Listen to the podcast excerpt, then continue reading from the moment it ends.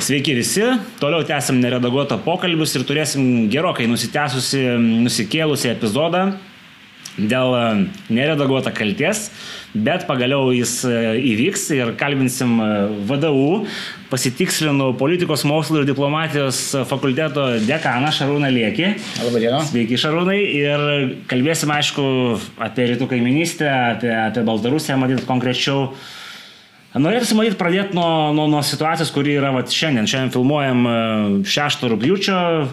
Akivaizdu, kad eskalacija jau yra pasiekus tokį įtampos lygį, kai kita pusė jau daro pareiškimus ir mes jau turim karius kitoje pusėje, kurie bando išstumti grįžusius pabėgėlius. Kaip jums atrodo, va šita situacija, kurią mes turim dabar, ko jinai reikalauja iš mūsų, iš mūsų diplomatų, iš mūsų kitų pareigūnų, kokiam taške mes esame? Na, savotiškai mes esam greičiausiai vardinčiau kaip krizinį tašką, nes vis dėlto eskalacija tęsiasi, akivaizdu, kad eskalacija nenuslūgo. E, bando eskaluoti tiek Baltarusijos pusė, iš kitos pusės vienokio ir kitokio eskalacijos ženklų matome ir iš mūsų pusės, sakykime, čia siūlymai stabdyti tranzitą e, per Lietuvą iš Baltarusijos. E, paprastai irgi tokiose situacijose turbūt nelabai įsivaizduojam, kai viskas atrodys, kad lavoriškių geležinkelio stotyje sustos visi vagonai ir visas transportas iš rytų į vakarus, e, žodžiu, nustos judėti, kas atsitiks toj pačioj Klaipėdoje, su krovos kompanijom, kas atsitiks su Lietuvos geležinkeliais ir panašus panašus dalykai. Tai matyt gerai supranta kitą pusę. Tai tą kitą pusę labai puikiai supranta ir ko gero tai gali bet kuriuo momentu išnaudoti kaip e, tam tikrą galimybę, kaip tam tikrą šansą didinti spaudimą Lietuvai. Ir kitaip sakant, mes vos čia ne patys e, tuos pasiūlymus teikiam ir e, iš kitos pusės mes teikiam pasiūlymus, kurios, e, kurie mūsų ir pačius silpnina kaip, e, kaip valstybė. Tai mm, dabartinėje situacijoje, mm, ko gero, eskalacija bus tęsiama ir dabar mes turime rūpščio šeštą dieną, e, kadangi visos galimybės e, abiejose pusėse, ko gero, nėra išnaudota ir bus toliau mm, eskaluojama. Ir kadangi vis dėlto iniciatyvos pusė dabar yra Lukašenkos režimo pusėje, jisai sėdi fotelėje, na, siubuojasi lengvai tam fotelį ir galvoja, ką jisai čia dabar į tą vakarų pusę vakarų pusėje gali daugiau nuveikti. Kitaip sakant, visas arsenalas dabar yra, visas pranašumas yra jo pusėje, kadangi mes savo galimybės labai stipriai susisiaurinam.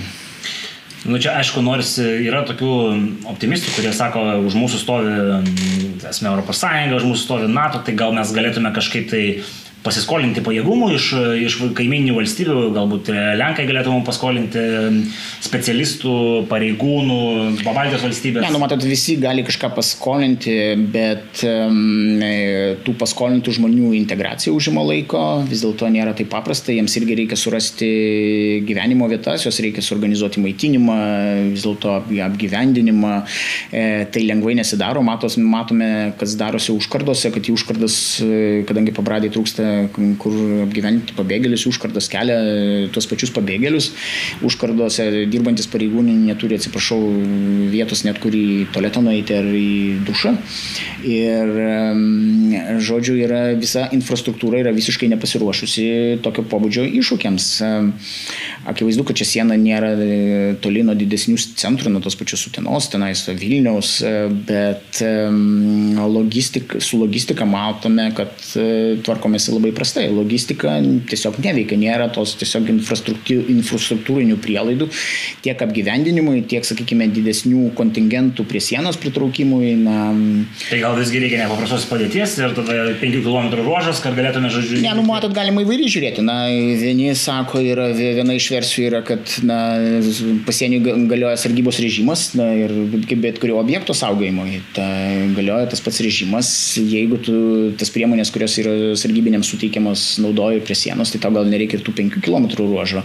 Nes įsivaizduokite, nu, populiariai sakant, į karinius dalinius niekas per tvoros nelipa ir neprašo tam prieglapščių, ne? nes, ta prasme, iš karto būtum sulaikytas kaip pažeidėjas arba e, blogiausia atveju nušautas tenais. Tai mm, Tai, žodžiu, kokios priemonės turėtų būti naudojamos, yra diskusijų klausimas ir čia ne vien juridika. Paprastai pas mus viskas yra patenka na, į teisininkų rankas, bet čia yra, kadangi yra visų pirma sprendžiamas valstybės saugumo klausimas, tai valstybė na, turi teisę gintis bet kuriuo atveju. Ir, ir jeigu jau, jau paskelbėm, kad pabėgėliai yra čia hybridinė grėsmė, jo labiau, ta prasme, ta retorika yra pakankamai tokia karinga, nors dėl to turėtume diskutuoti, ar tai yra hybridinė grėsmė, ne tie pabėgėliai, bet um, turint omeny tą oficialią oficialią retoriką, rezoliucijos, kurios yra priimtos ir retorika yra savo,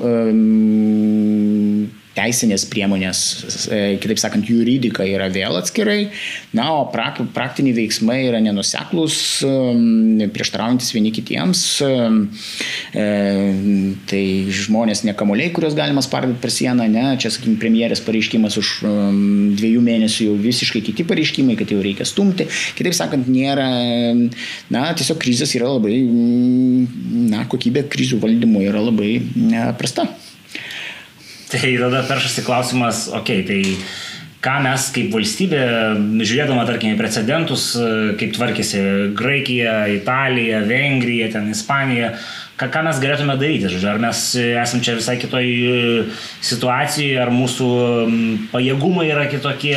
Aš tai visų pirma, jeigu mes jau dabar kalbam, e, ten lyginam e, situaciją, na tai vis dėlto yra klausimas turbūt pajėgumo, nu tai pačioj Vengrijai, atmetant jau tas diskusijas, ar Orbanas teisingai elgesi, neteisingai elgesi, nes vis dėlto žmogaus teisės reikia gerbti ir jomis reikia be abejonės rūpintis, bet na, konceptualiai atvažiavo 900 karių inžinerinio bataliono su visą visą techniką ir pradėjo tą pačią dieną, kada vos neprasidėjo krizė, Liepos mėnesį pradėjo statyti tą sieną ir per du mėnesius 175 km nutėsi 4 metrų sieną. Bet aš kažkur girdėjau tokį argumentą. Pas mus yra pelkės, miškai, ten buvo visai kitoks. Tenais, nu, bet žiūrėkit, pakistaniečiai, va dabar kitas pavyzdys, ne, tarp Pakistano ir Afganistano sunkiausiose vietose kalnai, tarpekliai, upės tai. ir taip toliau. 2,5 tūkstančių sieną su Afganistanu mm, bet pabaigė siena, per keturis metus. Bet ta siena yra labai skilėta, bent jau jeigu žiūri naujienas. Na nu, taip, bet 4, 4 metrų, jinai yra 4 metrų, kaip bebūtų, jinai yra 2,5 tūkstančio kilometrų nutesta per keturis metus. Pakistanas su jų, tapsmė, na, valstybė, aišku, didžiulė. Bet ten gal buvo Amerikos darbo jėga. Finansai mes. Ne, ta prasme, atvirkščiai, ko gero, ten, žodžiu, finansų įvairių, kaip ir visą laiką, kaip ir čia galima ir tos pačius, na, skolintas lėšas, dabar pinigai pigus, ne, minusinės palūkonas, tai ta prasme, pinigai yra pigus, ta prasme, jeigu tu kažką nori daryti, tai yra pats laikas daryti ir susitvarkyti.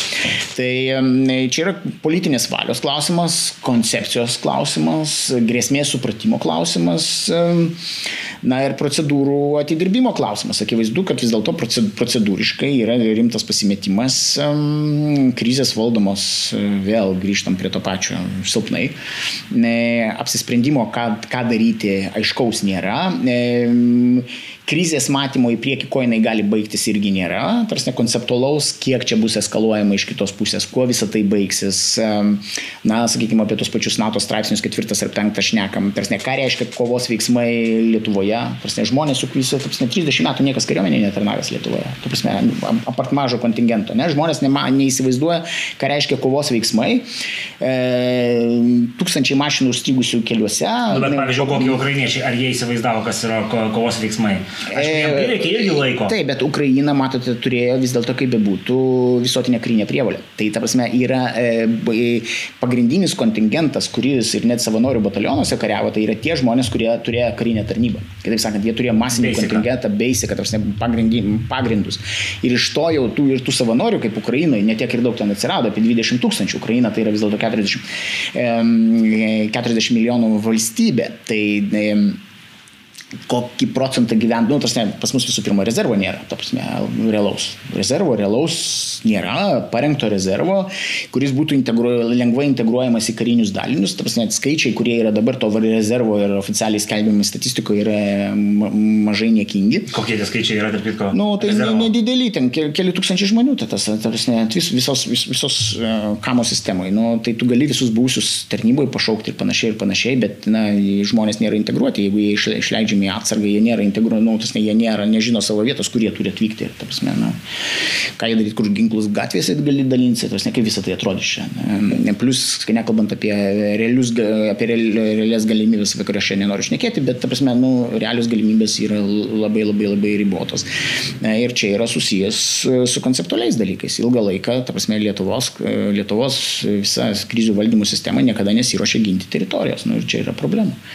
Tai va, jūs užsiminėt eskalavimą. Čia negaliu nepaklausti, kaip pat jums atrodo, kaip politologui, esmė, ko, kokio, tasme, iki kokio masto mes galim tos eskalacijos čia tikėtis. Tasme, čia yra tokių mančių, kad Lukašenka yra psicha, psichinis ligonis, kiti mano, kad jis yra gudrus, žodžiu, strategas, su kuo mes čia susidarėm. Ir, ir... Ne, nu matot, čia į lygas nurašyti ar į um, paklaikimą, kitaip sakant, čia ir pas mus vidaus politikai vieni, vieni kitais, vieni, vieni kitus vadina įvairiai, įvairiais ligoniais paklaikusiais ir ta prasme nedekvačiais ir čia visko yra.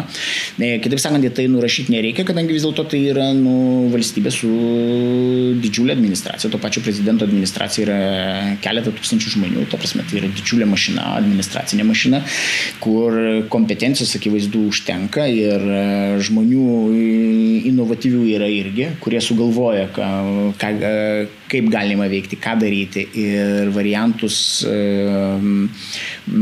pergalvoja, peržaidžia juos, e, plus nereikia užmiršti, kad Lukašenka yra atsidūręs realiai dabar, nu, tokiai patronažo situacijoje su Putinu, kitaip sakant, rusai be, be Rusijos federacijos ne, tiek saugumo pajėgos, tiek karinės pajėgos, ko gero, tuose visuose planavimuose ir ką čia daryti visur dalyvauja, kaip mažų mažiausiai kaip konsultantai, tai mažų mažiausiai kaip konsultantai. Ne, kadangi turint omeny, kad čia manevrai artėja, tai paprastai turim suprasti, kad paprastai dar iki manevrų pradžios vis, visa kariuomenė ir taip toliau atsiduria jau e, toj teritorijoje, kur vyksta manevrai. Kada manevro oficiali data paskelbiama, tai jau prieš mėnesį praktiškai vyksta judesiai. Kitaip sakant, dabar galim spėti, kad jau vyksta judėjimas tos pačios Rusijos kariuomenės. Tai dabar e, eskalavimas, akivaizdu, kad eskalavimą mes e, reikia suprasti logiką anos pusės, kitaip sakant, kiek jinai yra pasiruošusi eskalacijai ir koks galutinis planas. Planas gali būti pakankamai globalus nuo Ukrainos iki Baltijos šalių. Kodėlgi ne? Nu čia negulus, čia lokalus. jo, čia mūsų, mūsų situacija yra pakankamai lokali ir mūsų situacija gali būti panaudota dėmesio atitraukimui arba, sakykime, nuo Ukrainos įvykių. Ukrainos įvykiai gali būti panaudoti atitraukimui nuo mūsų situacijos. Tas ne, galima, na, tas instrumentų ir galimybių skaičius, kadangi yra vis dėlto didžiulė galios disproporcija, turint omeny, sakykime, Baltijos šalis ir Baltarusijos pusę, Rusijos pusę. Ne? Tas pats Ukrai... santykė su Ukraina irgi yra galios disproporcija. Kitaip sakant, visas šitas... Jeigu mes paimtume Lenkiją įdedamą į šalia, tai ta disproporcija gerai. Taip, bet matot, taip, bet tai čia ir yra kaip sakant, ta, kuri pusė, kur turi iniciatyvą, jinai turi, na, jinai paprastai pasirenka instrumentus ir jinai vis dėlto jinai gali tos pačios Lenkijos neįtraukti į dialogą. Mes dabar matom, kad jau po truputį migrantai pradedami ir siūsti ten, aišku, visai kitais kiekiais. Taip, kitais kiekiais gali būti ir, aišku, tenais pasiklydusių grupė, nors ne įvairūs variantai buvo, nes tas, tas pirmas skaičius tai pakankamai didelis ir įspūdingas, ten 60-60 žmonių vienu metu, tai Lenkijai tai čia yra įvykis, nes per tą laiką, nes vis tiek Lenkijos-Baltarusijos siena, mažų mažiausiai jinai kaip siena egzistavo ir šaltojo karo laikų, ir ta prasme tie visi ir įtvirtinimai, ir sena sovietinė siena, sena sovietinė siena kuri buvo tvarkingai padaryta, kitaip sakant, noriu pasakyti, kad jinai, ten, kur jinai egzistavo, dabar jau tarp Lietuvos Lenkijos jinai yra nuardyta, jos nebėra. Bet savo laiku irgi tokia pati siena buvo tarp Lietuvos teritorijos dabartinės ir Lenkijos teritorijos. Tai tarp Lenkijos ir Baltarusijos ta siena yra išlikusi ir ten yra na, pakankamai rimtai įrengta. Tai jeigu jau grupės praėjo, tai akivaizdžiai rodo, kad ta siena ko gero irgi ne visur buvo normaliai prižiūrima ir stebima ir ko gero, jeigu ten didesni skaičiai pasirodys, tiem patiems Lenkams reikės didesnių pareigūnų pajėgumų. Tai kadangi iniciatyva yra nuoj pusėje, tai dabar viskas priklauso nuo jų na, didžiosios strategijos. Kitaip sakant, ką per žaidimą galima sužaisti, nes akivaizdu, kad jeigu, sakykime, čia kas nors prasidėtų tarp tos pačios Baltarusijos ir Lietuvos, e, tie patys Lenkai gali likti izolacijoje, patys sieną susidarys ir žiūrės, kad į jų teritoriją niekas neįvažiuotų. Ne? Tai tarsi, ar automatiškai Lenkai čia pradeda judėti ir padėti Lietuvai. Na, nu, tai, pagal partnerystės suprantimus mes taip, modeliuojam. Taip, mes modeliuojam, bet iš tikrųjų praktiškai, kada praktiniai, na, atsimenam, kas atsitiko su COVID, kai visi sieną susidarė ir į tą pačią Lenkiją niekas negalėjo važiuoti. Tai kitaip sakant, na... Situacija šiek tiek kitokia, tas pats... Taip, bet mat, mat, tai, jo, bet tai situacijai susidėlioti, susimodeliuoti reikia vis tiek laiko, nėra, tai nėra taip lengva. Ir už kelios dienos užima, kol... Tai gal jau, gal modeliuoja kariškiai? Gal, aš tikiuosi. Mes visi tikimės, kad taip, bet turint omeny, kaip kol kas sprendžiama šitos problemos, ar ten tos visos istorijos su koncertinom ir panašiai ir panašiai, tai, e, na, optimizmo vartotojui, kitaip sakant, tiek žinių vartotojai, tiek Lietuvos piliečių, na, visą tą situaciją neįkvėpia. Tai Kaip Jūs prognozuojate, čia bus pabėgėliais toliau smūgiuojama mum, ar visgi čia jau tas pabėgėlio etapas eina į pabaigą ir, kaip sakot, kažkokie kiti veiksmai gali būti? Gali, visai, tie, gali, tie, gali, nes galima pabėgėlius, galima ir toliau, į, ta prasme, instrumentalizuoti ir toliau su jais žaisti, nes vis tiek kiek jų vyksta. Čia džiaugiasi, kad vienas lėktuvas iš Basros nepakyla, iš, iš kitur pakyla, iš Karačio atskirs. Ir mes nežinome, kiek iš Rusijos dar į Baltarusiją. Taip, tuo labiau, kad yra plus, nereikia užmiršti to pačio Afganistano situacijos, kurie, sakykime, mes nežinom, kas su tai žmonėm, kurie atvyksta, kurie, pažiūrėjau, Kazakstaną atsidūrė Kazakstane ir Turkmenistane, kadangi Rusai, Rusijos pusė turi galimybę tos žmonės visus e, tiesiog transportuoti, net ir kad buvę Afganistano kariškiai. Mes nežinom, kokius sandėrių ten gali būti. Ta prasme, žmonės gali būti toliau, sakykime, koncentruojami ties Lietuvos sieną ir, sakykime, dideliom grupėm bandoma na, tiesiog uh, prasimušti. Nu, kažkoks monitoringas vyksta, sraigtasparniai skraido mūsų žodžiais, matote? Nu taip, čia Frontex, Frontexas šitie, ta prasme, patys savo tradiciškai pajėgumų niekada nenaudojam, nei, ta prasme, nei nenaudojam ir, sakykime, tų pačių mm, dronų. Čia visą laiką ta siena buvo pleista, tai čia dabar, vad, kiek prasidėjo iš pagalbos, tie ir sraigtasparniai, ir Frontexas, to pat, tie patys nu, Lenkai. Čia jų darbas, jie yra išorinės Europos Sąjungos gynimo tarnyba. Taip, taip, taip, taip, taip. Tai yra, ta prasme, bet tai yra vis tiek, kiek yra nepakankami, nu ir, ta prasme, nu, galima sakyti, kad tai pastebėti, jeigu naudojant maskuotę, apgaulę, na, iš šeštadienio į sekmadienį anksti ryte, šią ketvirtą valandą staigiai atvyksta kolonos e, trys ar keturios ir, sakykime, aš teoriškai, ir šturmuojas ją. Ir praeina pro mūsų. Ir praeina pro visą, pro visą atstumimo politiką ir tos net diskreditacija, kažkas, sakykime, atima tų pačių pasieniečių ar kariškių ginklus, nes kada minė atbėga, tai, ta prasme, jeigu nėra procedūriškai žmogus, na, negali atidengti ugnies į minę, E, jisai nesugeba, nesugeba sureaguoti. Tarsi, tų situacijų galima modeliuoti įvairiausių. Čia yra fantazijos, nu, kiekvieno, tarsi, tokio taktinio, taktinės inovacijos e, klausimas. Na ir O vis dėlto Ana pusė nereikia užmiršti, kad jinai taktiškai visą laiką būdavo, na, nu, turi ilgametę tradiciją, na ir ta Baltarusijos pusė su Rusijos pusė yra pakankamai, na, karinės kultūros prasme yra labai pakankamai integruota ir, ir suaugusios, na, šimtmetį kartu jie yra, na, jeigu taip grubiai sakant, ne.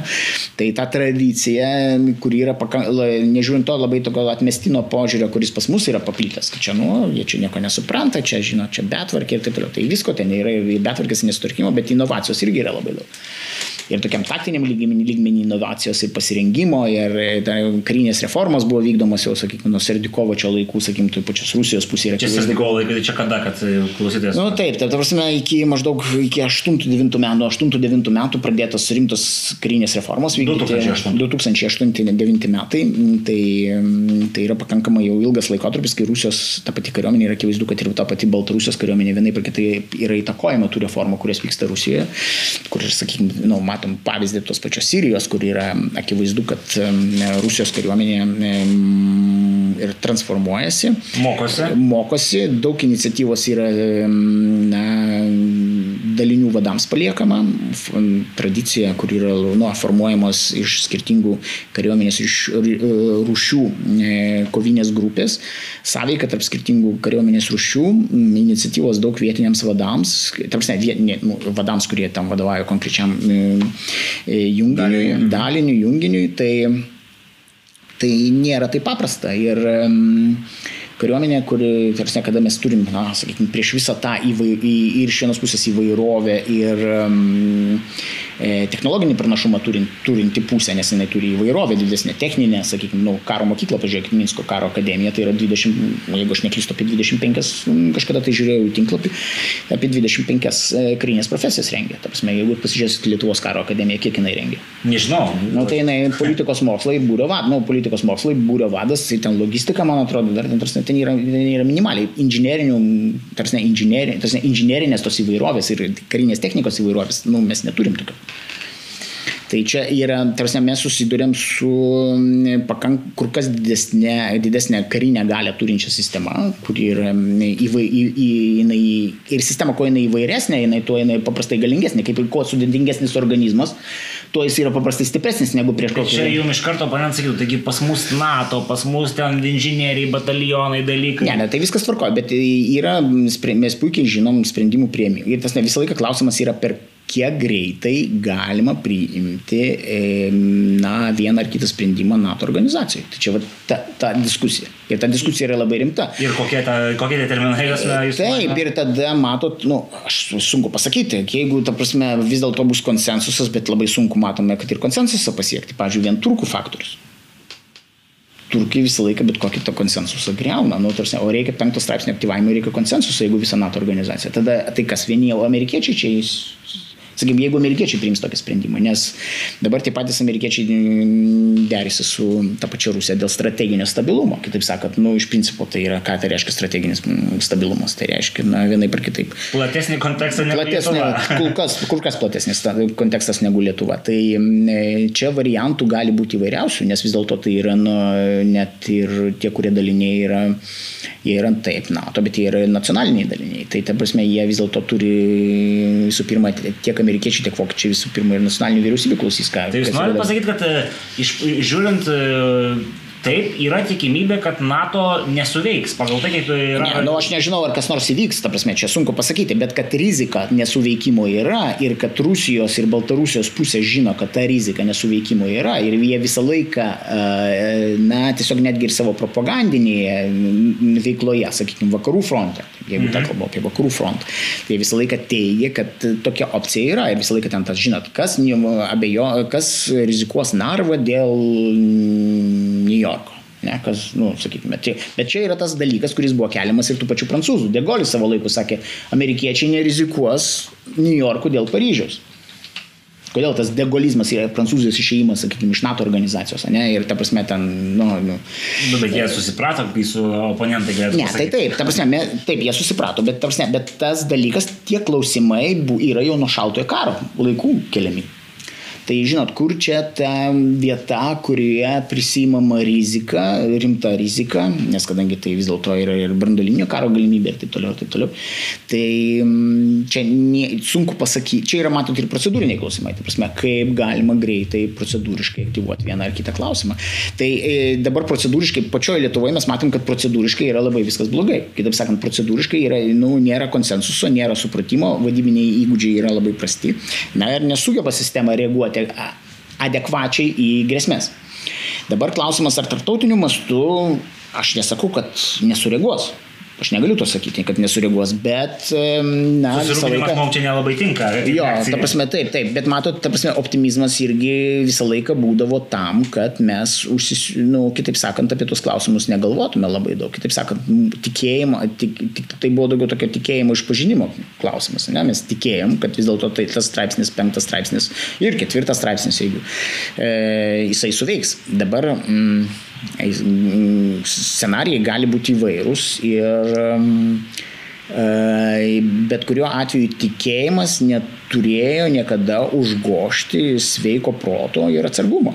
Bet tas jau praeitį, jau užgošta. Taip, jau užgošta. Tai va, tai, nes vis dėlto, jeigu tu vėliesi į rimtus žaidimus, kur rimti dėdės ir teto žaidžia, sunkia svoriai, su dideliam galimybėm, kariniam galimybėm ir taip toliau, tu vis dėlto čia, nežinau, kaip ir kiemo muštinėse vaikai. Nu, įvertinė. Turi įvertinį. Įvertinį, jeigu tu nori, na, kaiminėm iš smėlio dėžės išlipai ir tu galvoji, kad tenais esi septynių metų, ateini, ten galvoji, kad keturiolik metį tu gali pastatyti vietą, tai tu labai klysti. Nebent kažkoks tai rimtas dėdė tave šefuoja, bet šiaip tai na, aišku, čia mes juokaujam, na, tokiam jo situacijai, bet apie tos dalykus reikia galvoti. Ir ta, pas mus va to tokio nu, užsiliuliavimo, tikėjimo, negu kad empiriškai pagristo, na, ta prasme, materi, materialių daiktų ant žemės, kuriais mes galėtume ar gintis, ar kariauti, ar tarsi išlaikyti teritoriją, sakykime, ten, nežinau, ten savaitę tam, arba tris dienas, ne, tam, kol ten, sakykime, aktyvuojasi kažkoks penktas straipsnis. Tai va dabar yra klausimas, ar, ar viso to patenka, užtenka, nes vėlos tai užteko labai nedaug. Nu, dabar jau gavom vėlos. Bet aš dabar noriu perėti prie tokio, kitokio aspekto. Čia buvo pasiūlymai iš mūsų buvusios prezidentės. E, vakar, man atrodo, šešėlinė vyriausybė pateikė savo pasiūlymus, o mes žinom valdančiosios daugumos strategiją. Kaip jums atrodo, ko diplomatiškai ar kitom priemonėm dabar reikėtų valdyti šitai krizės? Nu, vat, kaip jums atrodo, Kas būtų tokie? Nu, matot, nepopuliaru. Visų pirma, tai yra turbūt nepopuliaru sakyti, kad reikia e, tam tikro užnulinimo grįžimo pas, žodžiu, pašnekėsiam su Minsku. Kas čia? Ar to jau užteks? Užnulint galėtų? Ne, nu, tai akivaizdu, kad ne. Tie žmonės, kurie įvedė į, tarsi, susiaurino mūsų galimybės, jie tikrai negalės to. Ta prasme, matyti, e, e, kad čia reikia jau aukštesnio lygio sprendimo. Čia jau yra, nu, prezidentų kompetencija. Prezidentas ar nusimti kepurę? Ne, nebūtinai nusimti kepurę, ta prasme, bet reikia vis dėlto suvokti, kad, na, vis, na, tiesiog e, dalies politinio establishmento na, auka tapo visos Lietuvos, visos valstybės užsienio politika, kitaip sakant. Saugumas. Ir saugumas. E, ir čia labai yra rimti klausimai Mm, kadangi na, pradėt, buvo pradėta, bet užbaigti nesugebėta ir resursų neturėtų užbaigti. Ir čia yra... buvo beveik aišku, kad resurso nėra. Ne, tai taip aš pats galiu, tarsi, jeigu tau klausim, kodėl mums niekas nieko nesakė prieš metus, va, tam pačiam Lietuvos ryto televizijoje aš visą laiką nusekliai aiškinau, ta prasme, kad čia yra žiauriai, nu, tarsi, kaip žiauriai, nu, labai pavojingas žaidimas, kadangi resurso jeigu rimtai įsivelsim, mes neturim. Jo, tai mes iki to dar daisim, bet vat, pabandykim dar tada iš jūsų išgauti kažkokią versiją. Sakot, prezidentas, tai vat, valstiečių šešėlinė vyriausybė siūlo per Europos Sąjungą spręsti. Ne, tai vienas, vienas iš būdų irgi, bet matot, europiečiai, Euro, e, tos saugumo dimensijos um, Europos Sąjunga, kiek jinai yra, jinai yra labai silpna. E, jinai nėra, jinai yra, kitaip sakant, visą laiką susijusi, Europos Sąjunga visą laiką susijusi su minkštąją gale. Plus, sakykime, tie įvykiai dabartiniai, net ir pabėgėlių skaičius, europiniais stand, nu, standartais ir dydžiai, nu, 4000 čia dabar jau kiek čia Lietuvoje atsidūrė, tai čia yra menknikis. Tarsi, bet europinė Briuselis nelabai įsivaizduoja, ant kiek menki yra pajėgumai valdyti tokio tipo mm, krizės toje pačioje Lietuvoje. Tai mes akivaizdžiai, akivaizdžiai pamatėme. Tai jeigu mes mokinomės, na, priimti 40 tūkstančių, atsiprašau, krizę, kuri 40 tūkstančių, ir viskas ant popieriaus buvo puiku, tai kažkas yra blogai. Ant popieriaus čia. Tai ant popieriaus, taip, tai ant popieriaus. Tai, ta prasme, tai kodėl, ta prasme, kokie pajėgumai, kiek palap, nu, pa, pa, paprasti dalykai, kokios yra maisto atsargos, kokios yra e, vėlos atsargos, e, tvorų e, kur apgyvendinsit pareigūnus, kodėl pareigūnai dabar atsaugodami tuos pačius pabėgėlius miega miegmaišiuose prie, prie tų stovyklų. Kodėl? Nu, tarsi, tai yra elementari, nu, paprasti dalykai, kaip jūs organizuojate visus šitos procesus, kokie yra materialiniai resursai, kiek šaudmenų yra kiekvienam žmogui, ne? kiek sprogmenų kiekvienam žmogui, ar šarvinės lemenės yra adekvačios, kada plokštės pirk, pirktos, kur šalmai ir taip toliau, ir taip toliau. Nu, paprasti dalykai, vat, pradėkime nuo, ar jie turi goriteksinius batus, ar jie eina su odiniais ir po dviejų valandų jiems kojo šlapės, nu, pasieniečiai, mačiau, kad tik tokiais vaikšto.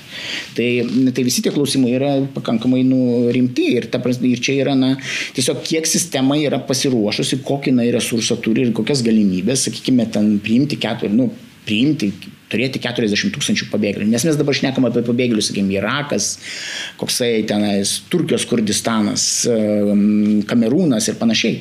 O kas būtų atsitikę, jeigu kiltų, pavyzdžiui, Baltarusijoje pilietinis karas?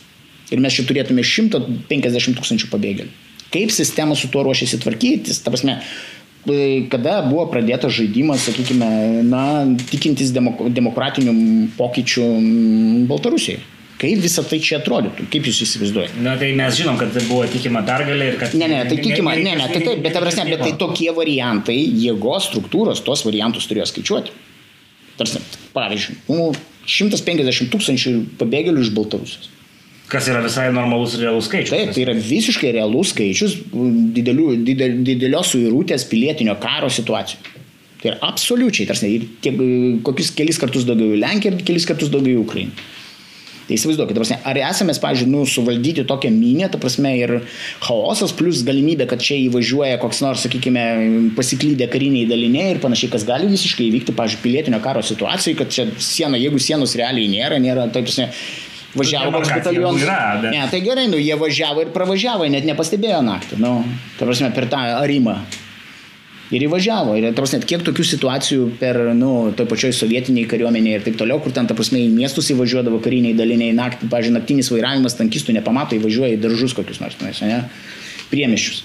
Tarsi būdavo tokių situacijų. Nu, čia ir dabar, vat, netaip seniai, to pačioj COVID situacijai, tie patys Lenkai ten užėmė čekų miestelį, policija įvedė COVID, e, žodžiu, režimą čekams nepastebėję, kurioje čia vietoje yra, atvažiavo, uždarė gatves. Ir, tai, tai, ta prasme, tokių situacijų atsitinka, tai ta prasme, o tokia situacija, ką mes darysim? Ta prasme, kaip pilnas, sakykime, nu, nežinau, brigados, nu, nereikia gal brigados, užtenka batalionų, su tankais, su visko tankų batalionas, pavyzdžiui. Atsidūrė mūsų teritorijoje. Kaip, kokios, kokios priemonės, kiek pareigūnai yra pasiriešę, kiek pasieniečiai yra pasiriešę, kiek kas, kas ką turi.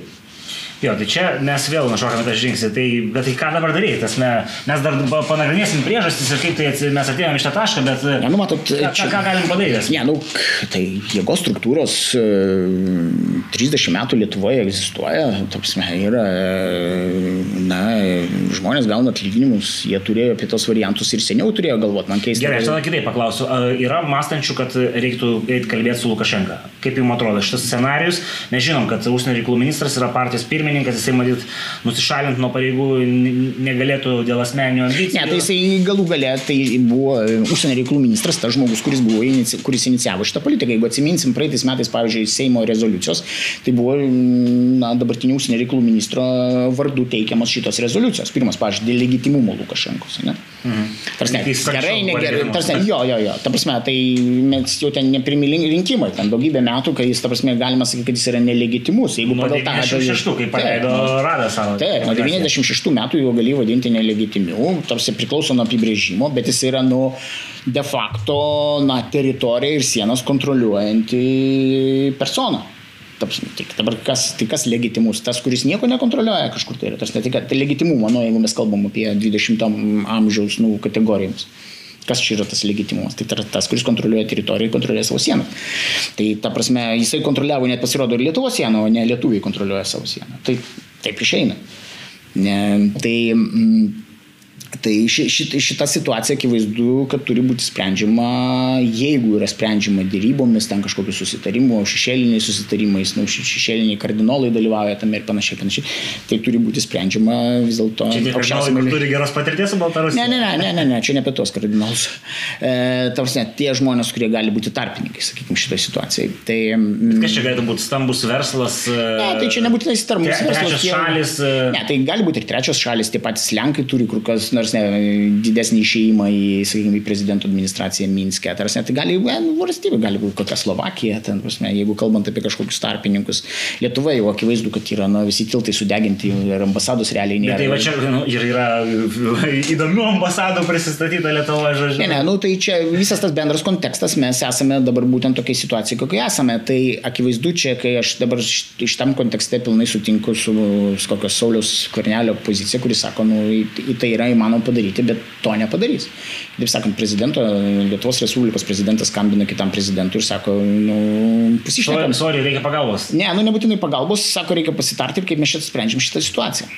Bet dabar yra klausimas, kadangi mes jau taip toli nuėjome su viskuo ir dabar yra labai svarbus Baltarusijoje Rusijos faktorius, koks yra Putino žaidimas. Ar, jisai, ar į tai bus atsakyta kažkokiu, ta prasme, teigiamu galvos linktelėjimu, nes jau e, jeigu Lukašenkos režimas yra visiškai kontroliuojamas Putino. Dabar kaip atrodo, kad jis yra kontroliuojamas, tai dabar koks yra Rusijos žaidimas. O kadangi Rusijos žaidimas yra didžiulis, strateginis, visų pirma, santykiai su Junktinėm Amerikos valstijom, iš viso ES ir Rusijos santykiai, Ukrainos labai svarbus faktorius, kaip jie elgsis. Ar jie yra suinteresuoti, na, E, tą situaciją deeskaluoti. Deeskaluoti, taip. Bet va dar vienas dėdamasis, kai kas sako, kad nu, čia reikėtų vyriausybei atstatydinti, bet dabar įsivaizduokim šitą situaciją ir dar pas mus viduje vyriausybė atstatydina ir neturim faktinės valdžios. Tai, matyt, ne, nu, tai gal atsirastų kita baisu. vyriausybė, ne, ne, tai gal atsirastų kita vyriausybė, tai čia matot, čia yra, žinai, čia, bet demokratiniai sistemoje taip greitai tų pakeitimų bet kokių nepadarysi, net ir iš ankstiniai rinkimai, kur tos nei prezidentas juk negali pas mus paleisti Seimo, nes Seimas pats realiai turi save pasileisti, tai su, suprasti savo negalį ir pasileisti, bet vėl procedūriškai rinkimams reikia pakankamai laiko ir šitoje situacijoje. Matyt, nerealu. Nerealu, nu, tai ta prasme, gali vyriausybė pasikeisti, nauja vyriausybė atsirasti, bet turi būti vėl politinių jėgų naujas persidėliojimas. Kodėl ten e, kažkuris, tai sakykime, na, vienos ar kitos partijos narys turi eiti į, į koaliciją ir dirbti kitai politiniai jėgai. Tai akivaizdu, kad jis neįs. Nu.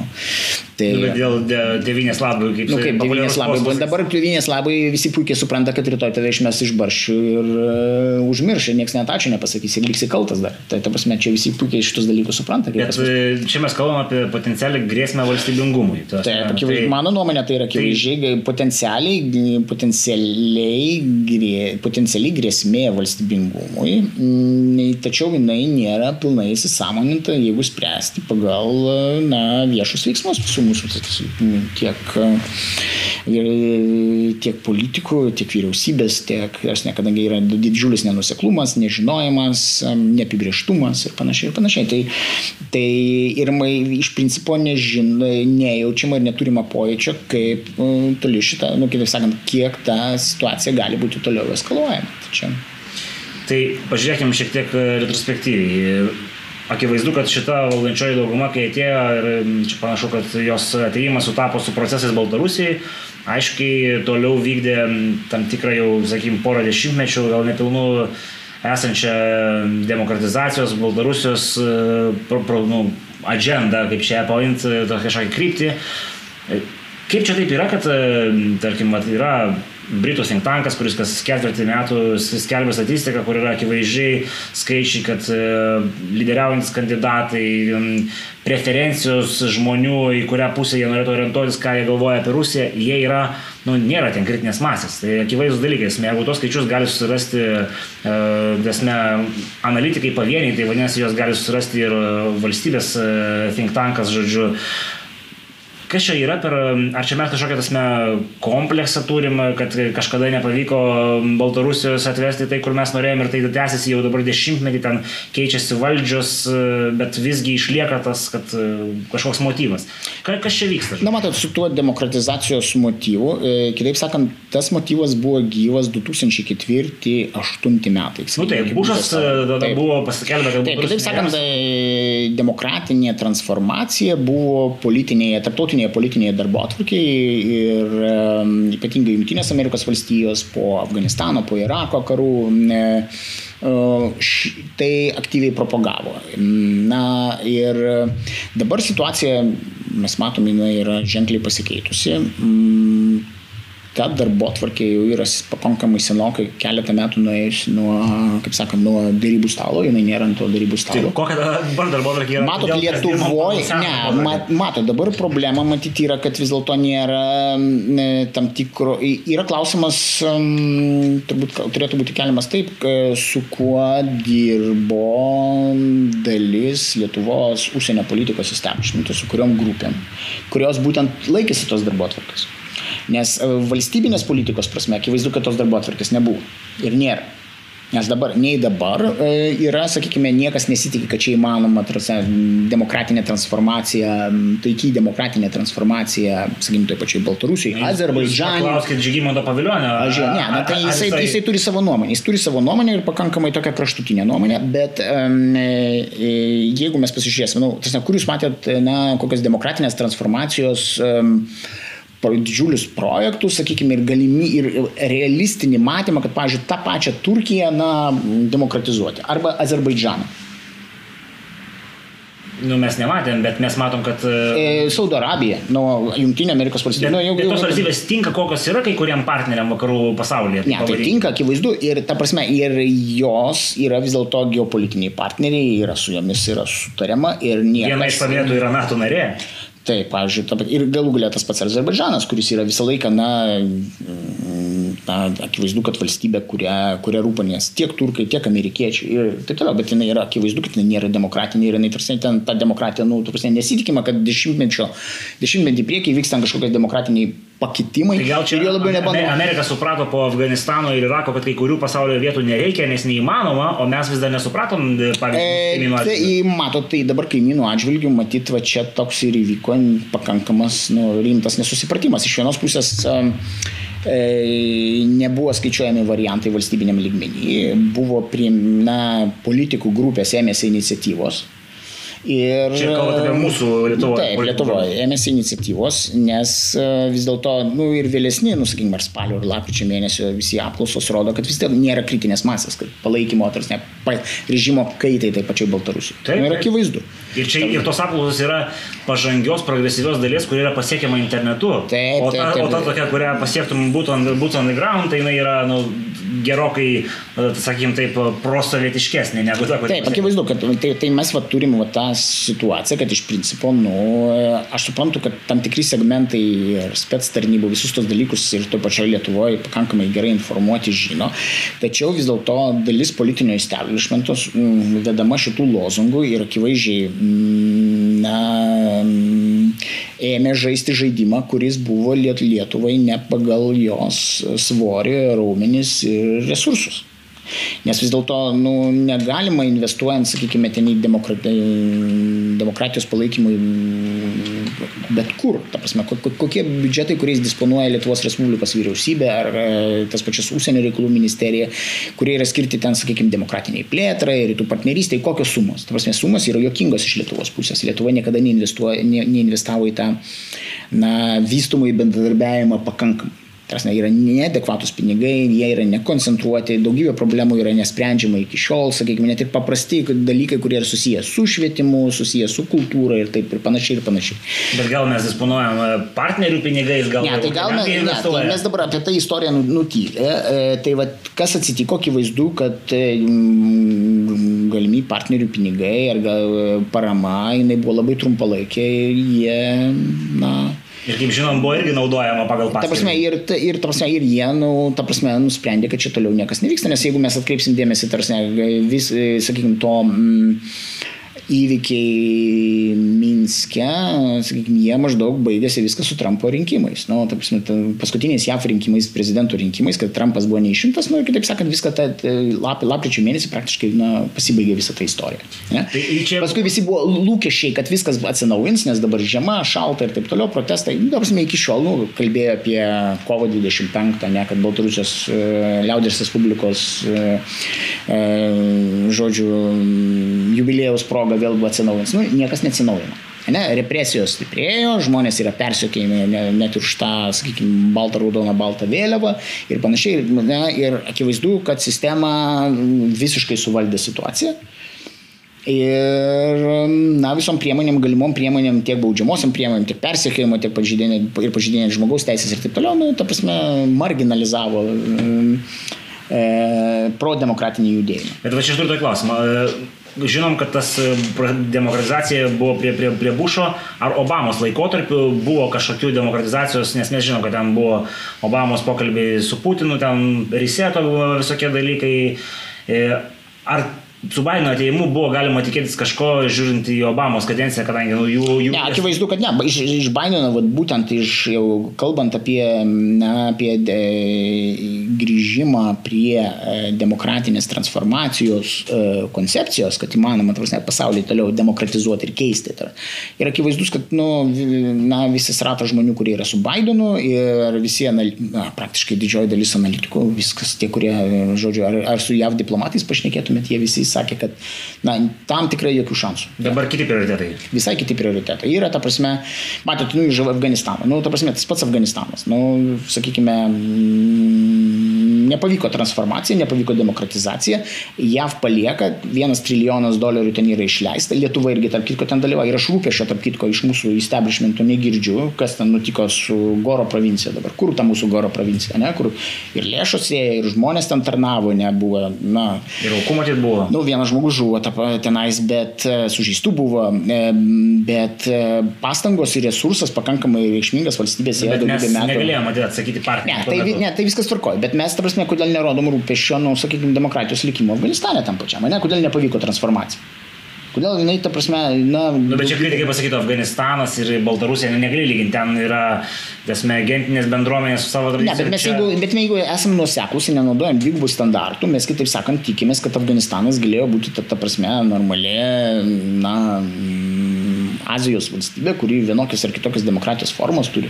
Aišku, žinom, kad va, tokie partneriai kaip Junktiniai Arabų Emiratai ir Saudo Arabija nu, ir, nu, nekvėpia demokratiją, ne, nekvėpia, nu, turbūt, ko gero, ten, žinot, ateinant iš šimtą žmogaus teisėmis ir, nieko, nieko, ir niekam dėl to neskauda galvos. Ir niekam dėl to neskauda galvos, nežiūrint to, kad visos šitos valstybės yra vakarų, vakarų sąjungininkai. Ne? Tai, ne, tai ta, Ką mes darėm Baltarusijai pastarasis 15 daugiau metų ir, ir kas dabar... Nematot, tai, kalbant apie užsienio politiką, nežiūrint to, kad čia iš politikų iš karto pasigirdo tvirtinimai, kad čia 30 metų pas mūsų užsienio politika politika yra ta pati, bet jinai ne, nėra ta pati.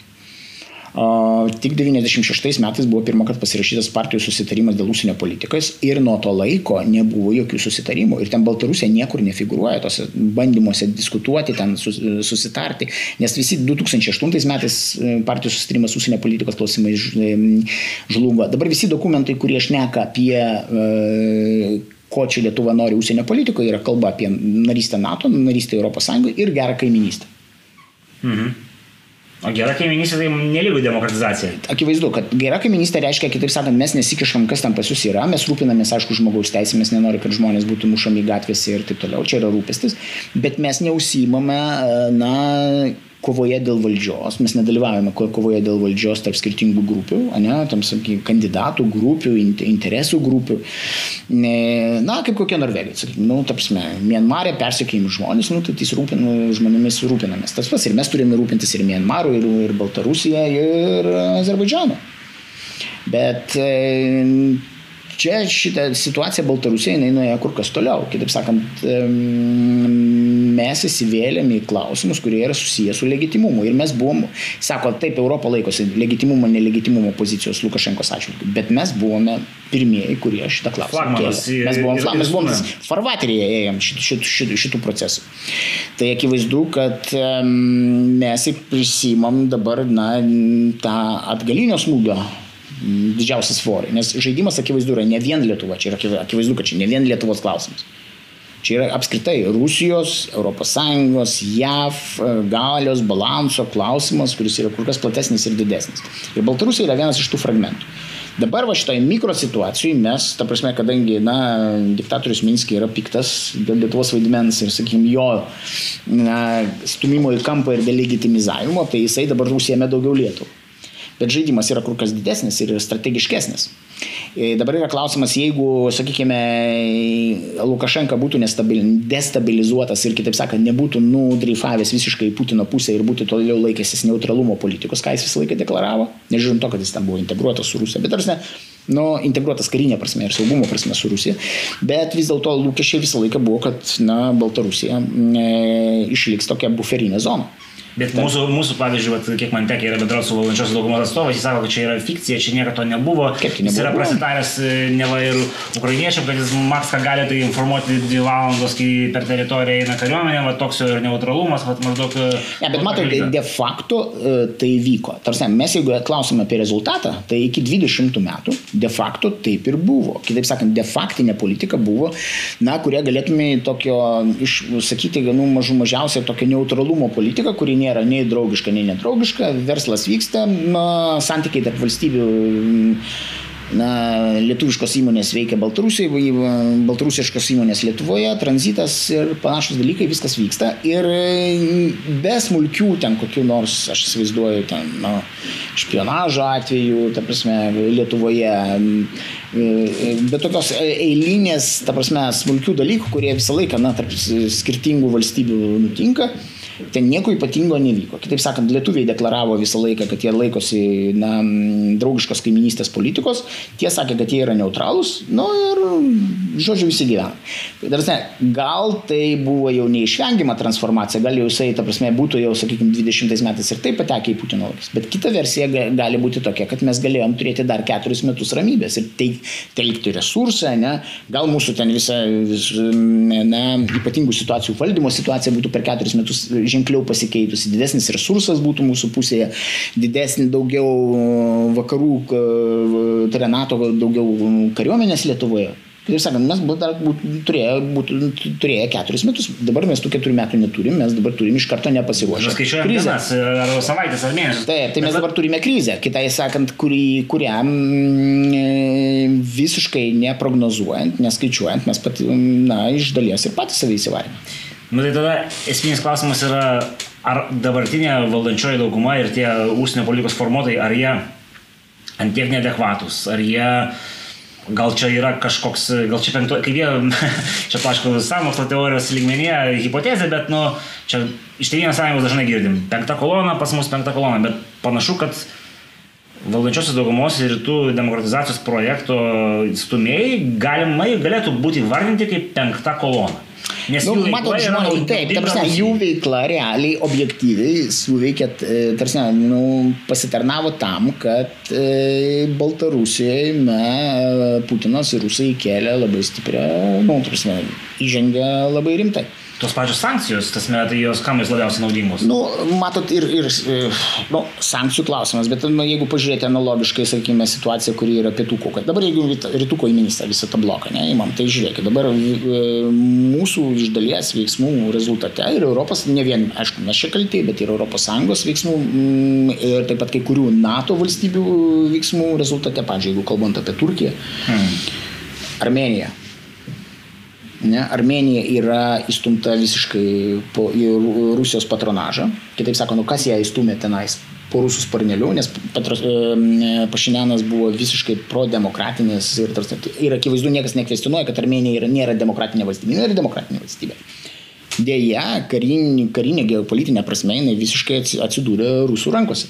O kas prie to prisidėjo? Prisidėjo Azerbaidžanas ir prisidėjo Turkija dvi nu, autokratijos, kurios yra provokarietiškos. Tik tai mažas skirtumas. Ten pasilinko, žodžiu, galbūt jie savo įtaką sustiprino, o čia panašu, kad Baltarusija, asmen, Rusija stiprina savo įtaką. Bet mato, ten jie labai, na, prasme, realiai Armenija tapo visiškai, nu, kontroliuojama Rusijos, nes dabar Azerbaidžano Armenijos siena saugo Rusijos. Nu, da, Rusijos. Pavyzdžiui, ten buvo ir anksčiau, bet dabar papildomas. Taip, dar papildoma, papildomas kontingentas ir politiškai visiškai priklauso. Jie dabar jau nebekelia ten, kad mes čia norim į Europos Sąjungą ir, ir nu, tu prasme, kad mes norim čia labiau bendrauti su Europos Sąjunga. Dabar to klausimų yra visiška tyla.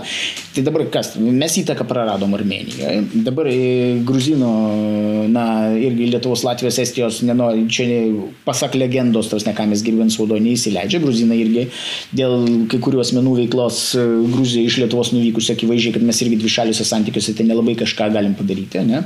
Mūsų įtaka visiškai sumažėjo, Baltarusijoje mūsų įtakos visiškai nebeliko. Rusijos vėl, Rusija sustiprėjo, tai dabar ką mes turim, kas mums liko?